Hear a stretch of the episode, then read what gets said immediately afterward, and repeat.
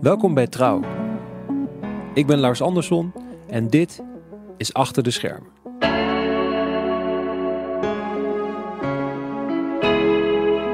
Vandaag praat ik met Joep Engels. Joep is wetenschapsredacteur voor Trouw.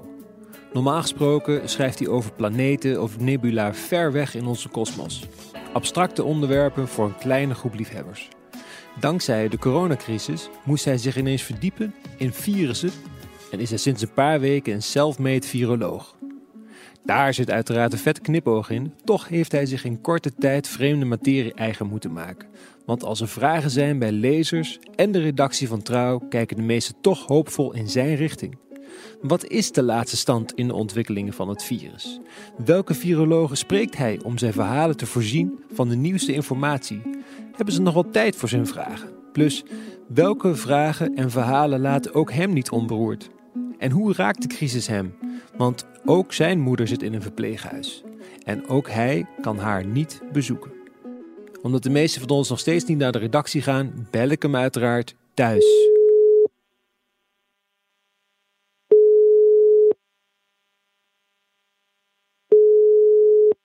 Joep, hoor je mij? Ja, ja, ja, ja, ik hoor jou, ik hoor jou. Hoor, hoor je mij ook helder? Ik hoor jou helder. Hoor je mij helder? Want ik ben een beetje, een beetje schorre keel. Je hebt een beetje schorre keel. Hoe, hoe komt dat, Joep? Ja, er heerst wat. eh, dat is daar. Wacht even, er heerst wat, zeg jij? Eh, Dat, met een knipoog? Ben je, ben je in zelfquarantaine? Nee, eh, nee, ik ben niet in zelfquarantaine. Nee, ik, ik weet niet. Ik denk gewoon een coachje. Oké. Nou, te gek. Fijn dat je er bent, Joep. Hartstikke leuk. In deze podcast, eh, het gaat natuurlijk om de verhalen achter de verhalen. Eh, de podcast achter de schermen bij, eh, bij Trouw. Huh? Eh, jij bent redacteur wetenschap. En ja. ja, in mijn beleving waren dat vroeger eh, met name wat, wat geeky karakters die schreven over tech en over het universum. En eh, soms over een virusje ver weg. Eh, ebola in Afrika of zo. Eh, maar nu sta jij ineens in het oog van de storm en eh, wil iedereen via jou de laatste updates weten over het virus. Eh, is dat iets wat ik me inbeeld of heb jij ook het gevoel dat je aan het front staat? Het, het front is misschien een gek woord, maar ik sta wel eh, in het oog van de storm. Ja. Dus eh, zodra er een vraag op, eh op borrelt op de redactie, dan, eh, dan kijkt iedereen naar mij. Alsof ik dat dan allemaal zou weten. Maar ik ben dus eigenlijk ook zo'n wetenschapsredacteur die altijd over het universum schreef, inderdaad. Vi- viro- virologie is niet mijn, eh, eh, mijn vakgebied. Dus ik heb mij dat wel eigen moeten maken eh, deze maanden. Ja, precies. Want, want eh, van virologie, daar wist jij zelf niet heel veel van, eh, als ik jou Nee. eh, zo goed Nee. begrijp. En begin jij nu zo langzamerhand een deskundige op dat vlak te worden? Nou, één oog in het land der blinden hoor. Ik, weet, ik weet er langs wel een beetje van. ehm, eh, waardoor ik deskundigen kan interviewen. Maar. Nou, en ik, ik, ik wil mezelf nog niet een deskundige eh, noemen. Ik leer nog elke dag bij. Eh, overigens merk ik van de wetenschappers die ik interview dat zij ook elke dag bijleren met het virus. Ja, laten we even beginnen bij jouw werk als, als journalist. Ehm, want in beginsel, de intelligente lockdown die we hebben, die werkt natuurlijk ook eh, jou tegen hè, als, eh, als journalist.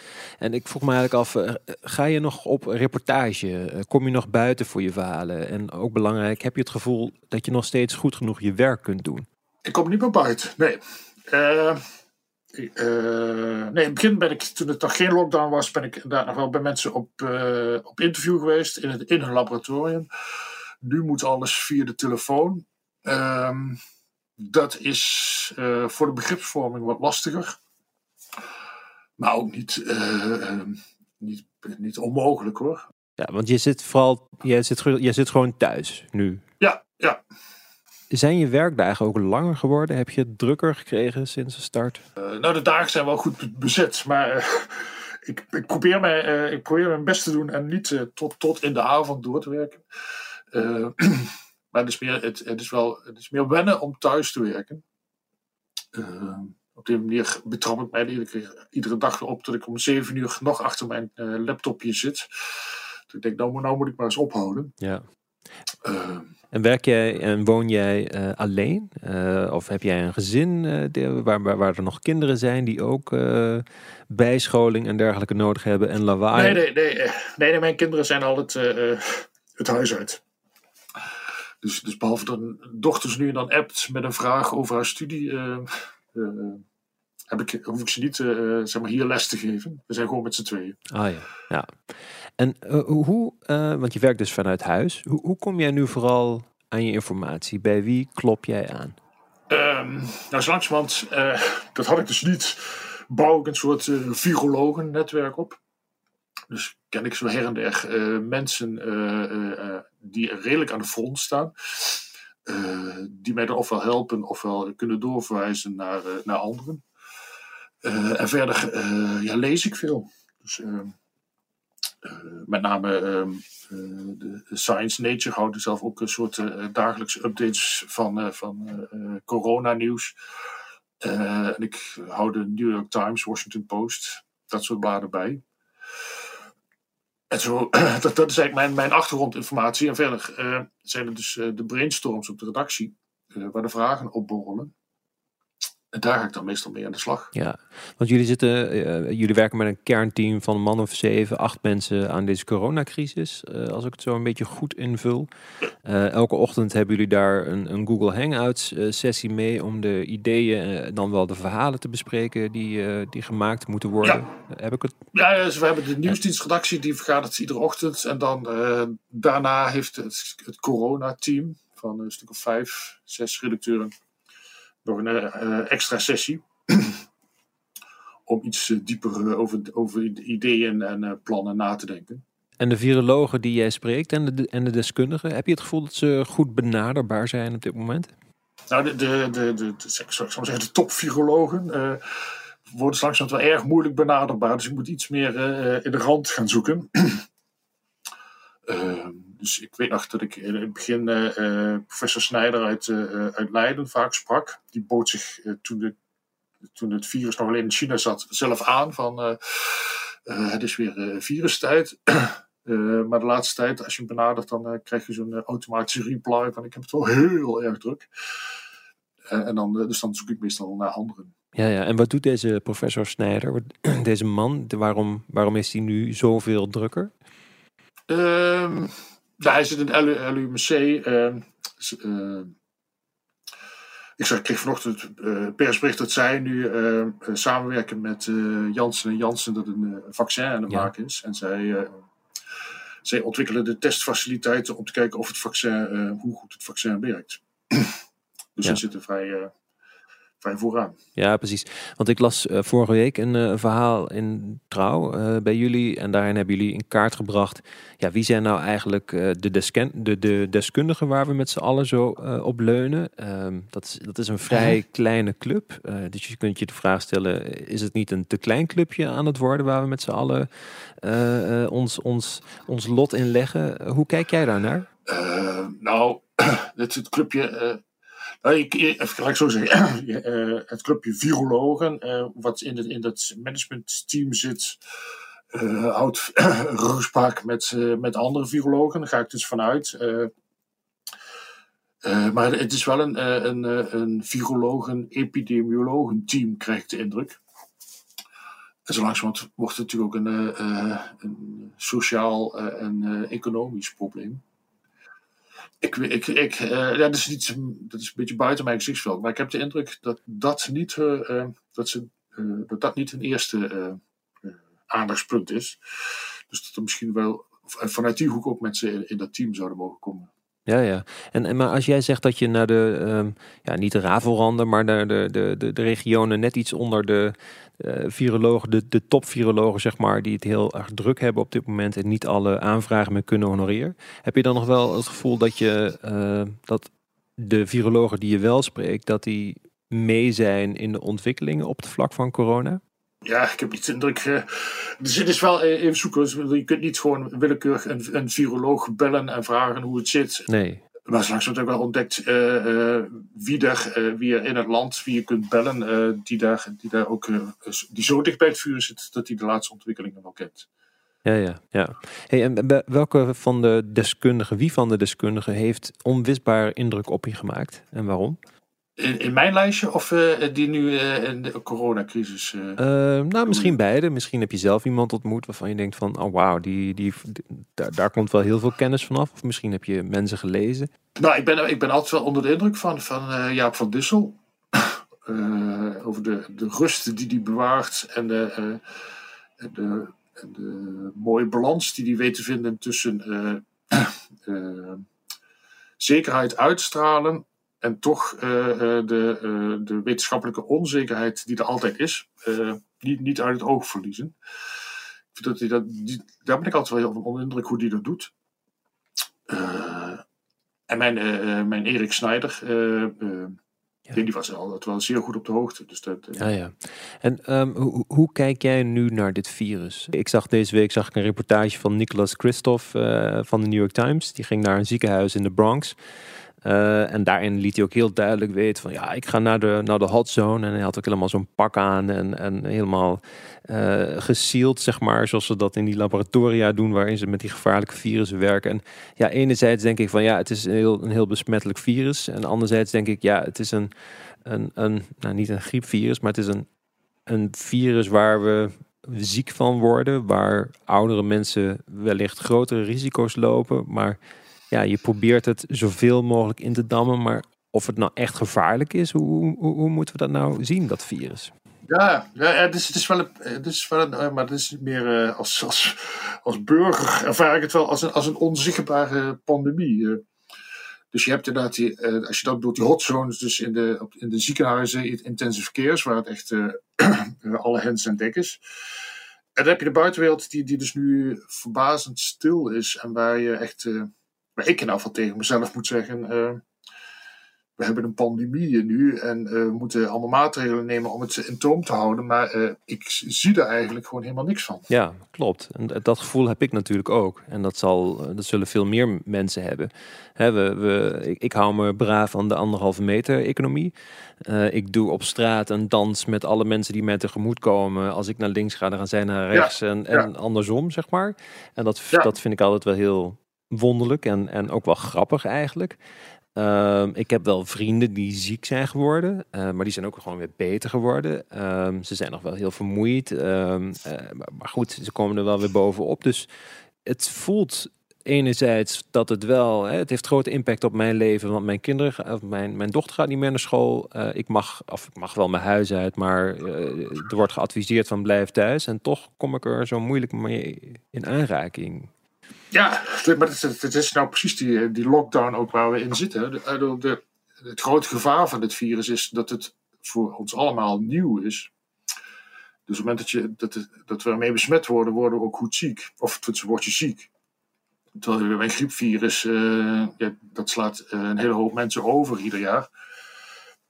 dus, dus dat is het risico. Op het moment dat je het laat lopen, dan, dan is ineens het halve land ziek. Uh, ja.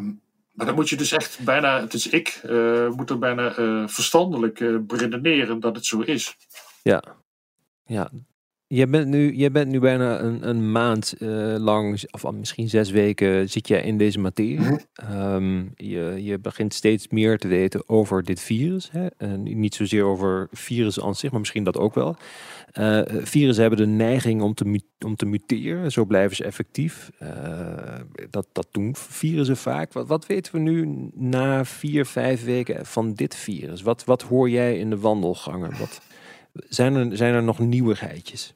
Nou, het, het meest verbazende van dit virus is dat uh, ook, ook die, uh, die wetenschappers iedere dag weer nieuwe dingen leren en zich opnieuw verbazen over dit, uh, over dit virus.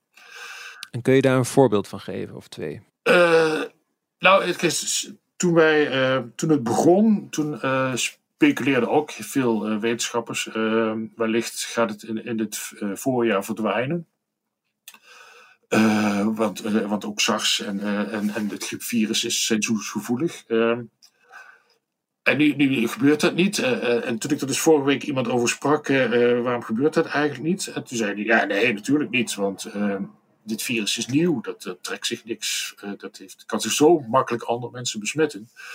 dat trekt zich nog niks van warm of koud aan. Dan moet, je eerst, moet het eerst een paar, jaar de wereld, een paar keer de wereld voor ons zijn geweest. Ik denk, ho, ja. wisten we dat dan niet? Nou, en zo zijn er dus uh, meer dingen als uh, dat we het eerst hebben over het uh, kijken hoeveel mensen besmet worden. En dan zijn die dus immuun. En als die groepsimmuniteit een beetje oploopt, dan dempt het vanzelf uit. En nu blijkt dit soort virussen verliezen hun, of mensen verliezen hun immuniteit na een paar jaar ook weer en begint het weer vooraf aan. het zijn allemaal van die inzichten waarvan ik denk, wisten jullie dat allemaal nog niet? Of, of wisten jullie dat niet zeker? Er zijn heel veel eigenschappen van het virus nou vooral die, die voor mij dan weer verrassend zijn. En, en sommige zijn ook voor wetenschappers volgens mij verrassend gebleken. Ja, ja. En met name dat over die temperatuur, dat is, dat is wel verrassend. Uh, alhoewel, eh, terwijl, toen ik twee weken geleden naar de cijfers keek en over de wereld keek, dan zag ik het virus zich ook gewoon verspreiden rond de Evenaar. Nou, daar is het meestal mooi weer. Dus toen had ik al wel zoiets van, god, dit, uh, ja. dat temperatuurtje, dat gaat hem niet worden. Dus het is, maar dat is iets wel wat, weer sinds de laatste week in de verhalen naar voren komt. Ja, ja, ja. Ja, dat klopt al. dus al het, het, idee dat het uh, misschien in de lente zou verdwijnen, dat is iets van uh, februari, begin maart. Dat, dat idee is wel met de komst van het voorjaar, zou ik maar zeggen, langzaam verdwenen. Ja, ja. En weten we nu al precies en zeker waar dit virus vandaan komt? we weten eigenlijk wel zeker dat het van vleermuizen komt. Maar we weten niet zeker. Uh, uh, het, het, heeft vermoedelijk nog een, een, een stap, uh, een, een, dier als tussenfase gehad. Oh ja, want ik, ik ben toevallig ben ik in, een paar maanden geleden in Zuid-Afrika geweest, op safari. En daar hebben ze een heel bijzonder diertje en dat heet de pangolin. En dat is een soort van geschupt mierenachtig diertje. Uh, en en dat de, uh, van de schubben maken ze dan uh, thee in China. En dat heeft een soort van helende kracht. Althans, daar geloven ze in. Waardoor er een hele zwarte handel is ontstaan. Waardoor de diertjes uit Afrika worden gelokt en gevangen door stropers. En voor miljoenen worden die schubben verkocht aan de Chinezen. En er gaat het gerucht dat, dat, dat die pangolin een van de diertjes was die op de markt in Wuhan werd verkocht. En die hele markt is dus bijvoorbeeld ingestort. En, eh, ben, je, ben je ook met dat soort onderwerpen bezig? Volg je dat ook allemaal nauwgezet? Uh, ja, nee, ik, ik heb dus ook, een verhaal geschreven over uh, überhaupt over de zoonosen, over wat er allemaal in de natuur zit aan, aan virussen, dat eventueel een keer kan overspringen. maar het, het schubdier is inderdaad een van de hoofdverdachten voor het tussensprongetje tussen vleermuis, dus van vleermuis naar schubdier naar mens. Er werden ook wel weer zwerfhonden uh, genoemd als, uh, als tussenfase. Ja, ja. Nou ja, de dieren in China, dat is natuurlijk een. Uh... Nou, het is niet alleen de dieren, maar dat is ook die, die markten dus levende dieren en, en dieren die dan ter plekke geslacht worden op die markt en, en dat soort dingen. Dat, dat, verhoogt het risico vooral. En is dit nog een, een, een gesprek bij, bij de deskundigen die jij spreekt? Is dit nog onderwerp van gesprek waar het vandaan komt? Of is dat eigenlijk helemaal niet meer belangrijk? Uh, nee, dat, nee, dat komt eigenlijk niet meer terug. Uh, misschien dat we daar over twee jaar eens een keer, als alles weer een beetje voorbij is, gaan denken van wat was het nou precies. Maar op dit moment maakt niemand zich daar nu heel erg druk om. Nee, nee. En jij je had begin maart had je een verhaal geschreven over de, de groepsimmuniteit die door premier Rutte werd neergezet in zijn toespraak aan de Nederlanders. Op die maandag 16 maart, denk ik. -huh ja, zo langzamerhand is daar ook kritiek en, en wat onduidelijkheid uh, op en over gekomen. Ik, en ik vroeg me eigenlijk af van, ja, wat, wat is er nog eigenlijk van over van die groepsimmuniteit? Want je had er toen een verhaal over geschreven en, en staat dat nog steeds? Nee, ik, ik ken de details niet, maar mijn idee is dat uh, Rutte daar iets wat voor zijn beurt heeft gesproken. Omdat hij, dat hij het gevoel dat hij de Nederlandse een inzicht in wil geven van waarom we het allemaal doen. Maar uh, groepsimmuniteit is nooit het doel geweest van, uh, van deze hele lockdown. Zijn doel is altijd geweest, uh, weet het, flatten the curve. Zorgen dat, de, dat we de, dat de epidemie een beetje dempen. En dat de zorg niet overbelast raakt. Ja. En uiteindelijk hebben we ofwel een, een vaccin, ofwel zijn zoveel mensen besmet geraakt dat we, dat, dat we een groepsimmuniteit hebben. Maar dat is nooit het, het doel geweest. Maar je had het net over de vaccins. Um, begin maart schreef jij ook een verhaal over, over die vaccins bij een viroloog van het bureau Janssen, wat je net mhm. eerder noemde, waar ze vaccins maken. En daar, uh, een van de quotes die zij zei was: uh, eind deze maand kunnen we de resultaten weten van ons uh, eerste onderzoek. En dan weten we of we met dit concept verder kunnen, waar ze toen aan, aan werkten. Um, nou, we zijn nu vier, vijf weken verder. Heb je nog een update van haar gehad? Zijn we een stap verder? ja, ja, nee, ze hebben, ze hebben hun kandidaat, zal ik maar zeggen, gekozen. Wat bedoel je met kandidaat? Nou ja, ze hebben, ze hebben een bepaald concept, zal ik maar zeggen, van hoe je een, een, een vaccin maakt. Dus stop een stukje genetische code van het virus uh, in een, in een ander virus en dat, dat, daar maken ze een vaccin van. En dat moeten ze even precies uitmeten hoe, ze die code er precies inzetten. Wat, wat het beste werkt. Daar zijn die, die dierproeven voor geweest. De genetische code die daar het beste uitkwam, daar gaan ze dus nu mee verder. Een maand geleden of zo werd ook bekend dat het, het moederbedrijf Johnson Johnson samen met de Amerikaanse overheid een miljard dollar nu in het uh, vaccinontwikkeling uh, steken. Dat wordt wel een serieuze zaak. Ja, ja. En heb jij nog uh, nou, regelmatig contact, maar contact met de mensen van, van dat bureau? Nee, eerlijk gezegd niet. Want we zitten natuurlijk allemaal te wachten totdat, totdat we weten van hoe lang duurt het nog voordat het vaccin komt. Nou, dat is minstens komend voorjaar hoor, voordat zij zover zijn. Als in volgend jaar komend voorjaar? Ja, dus het duurt minimaal wel een jaar voordat we zoiets kunnen verwachten dat klinkt als een vaccin. En dan hebben ze, en dan hebben ze dus een prestatie geleverd die nog nooit geleverd is. Hoor. Om, om zo snel eh, vanuit een onbekende ziekte een, een werkzaam vaccin te ontwikkelen. Dat zou dus ongekend snel zijn. Ja. Het kan, het kan, natuurlijk zijn dat ze in het najaar al besluiten, uh, we hebben wat en, uh, en nu moet eigenlijk de grote groepstest volgen van, uh, we gaan dus grote groepen testen en kijken of het dan ook nog werkt en of het veilig is, et cetera. En dat, ze, dat men besluit van, nou, de, die lockdown is zo dramatisch, laten we van deze groepstest maar meteen een, toepassing maken en, en hem al in de praktijk testen.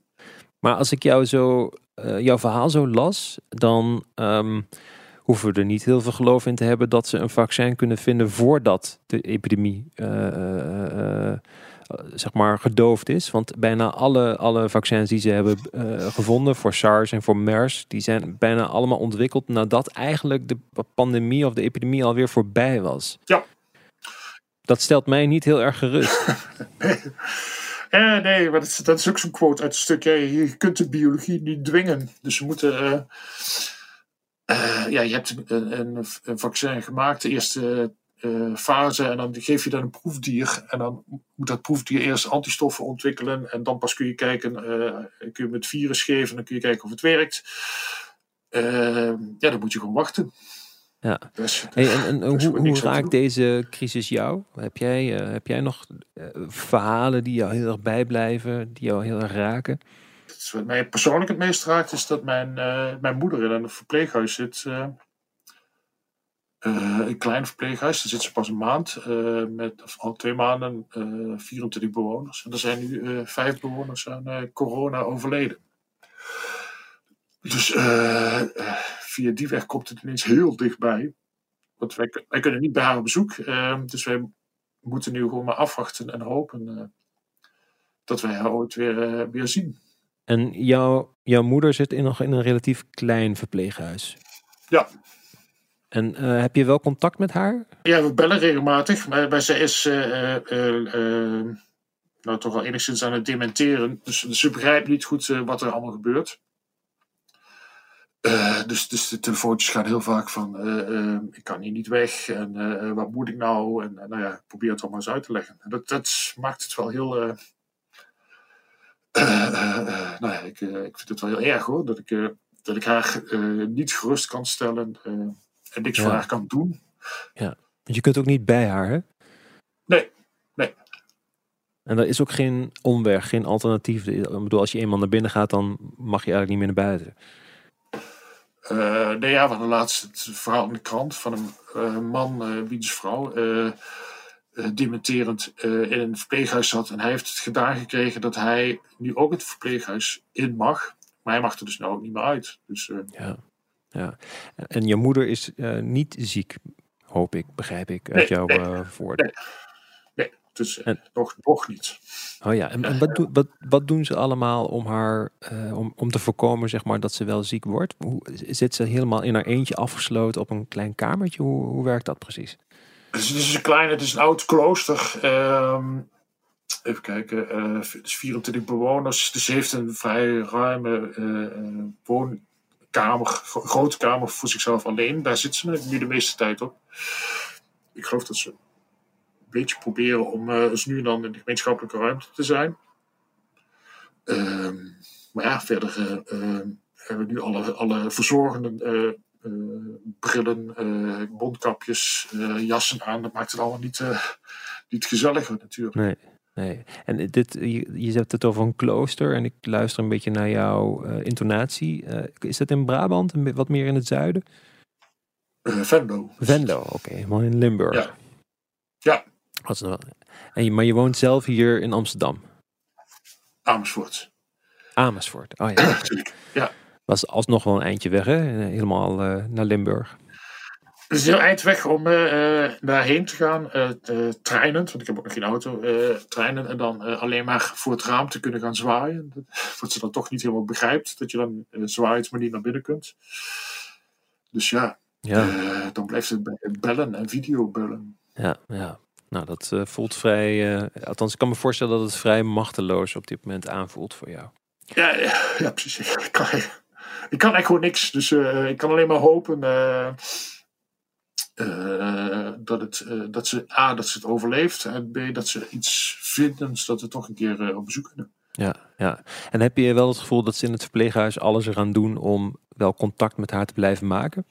Heb je daar zicht op? De verpleging, zeg maar? nee, dat is alleen maar indirect. Hè? Dus, dus ja, mijn zus is eigenlijk de, de hoofdcontactpersoon. Maar die hoort dus ook alleen maar van uh, dat, dat uh, de locatiemanager, dus niet direct de verpleegsters, maar de locatiemanager zegt dat ze er alles aan doen en zo. Dus uh, dat gaat echt via een aantal tussenstappen dat ik hoor hoe het nu echt gaat. Dus de, ik, eigenlijk weet ik niet hoe, het, hoe de dagelijkse praktijk in het huis is daar. Ja, snap ik. Um, Dankjewel voor je tijd. Ik wens jou veel succes met uh, de verhalen die je zo meteen gaat maken en die je deze week nog en in de toekomst gaat maken. Um, alle, alle goeds voor jou. Dit was Achter de Schermen bij Trouw, waarin we dieper kijken achter de verhalen van de dag. Ik ben Lars Andersson, de muziek is van Yadu Neo. Blijf onze verhalen lezen op trouw.nl en in de krant natuurlijk. Wil je nog meer podcasts van Trouw luisteren? Kijk dan op trouw.nl/podcast.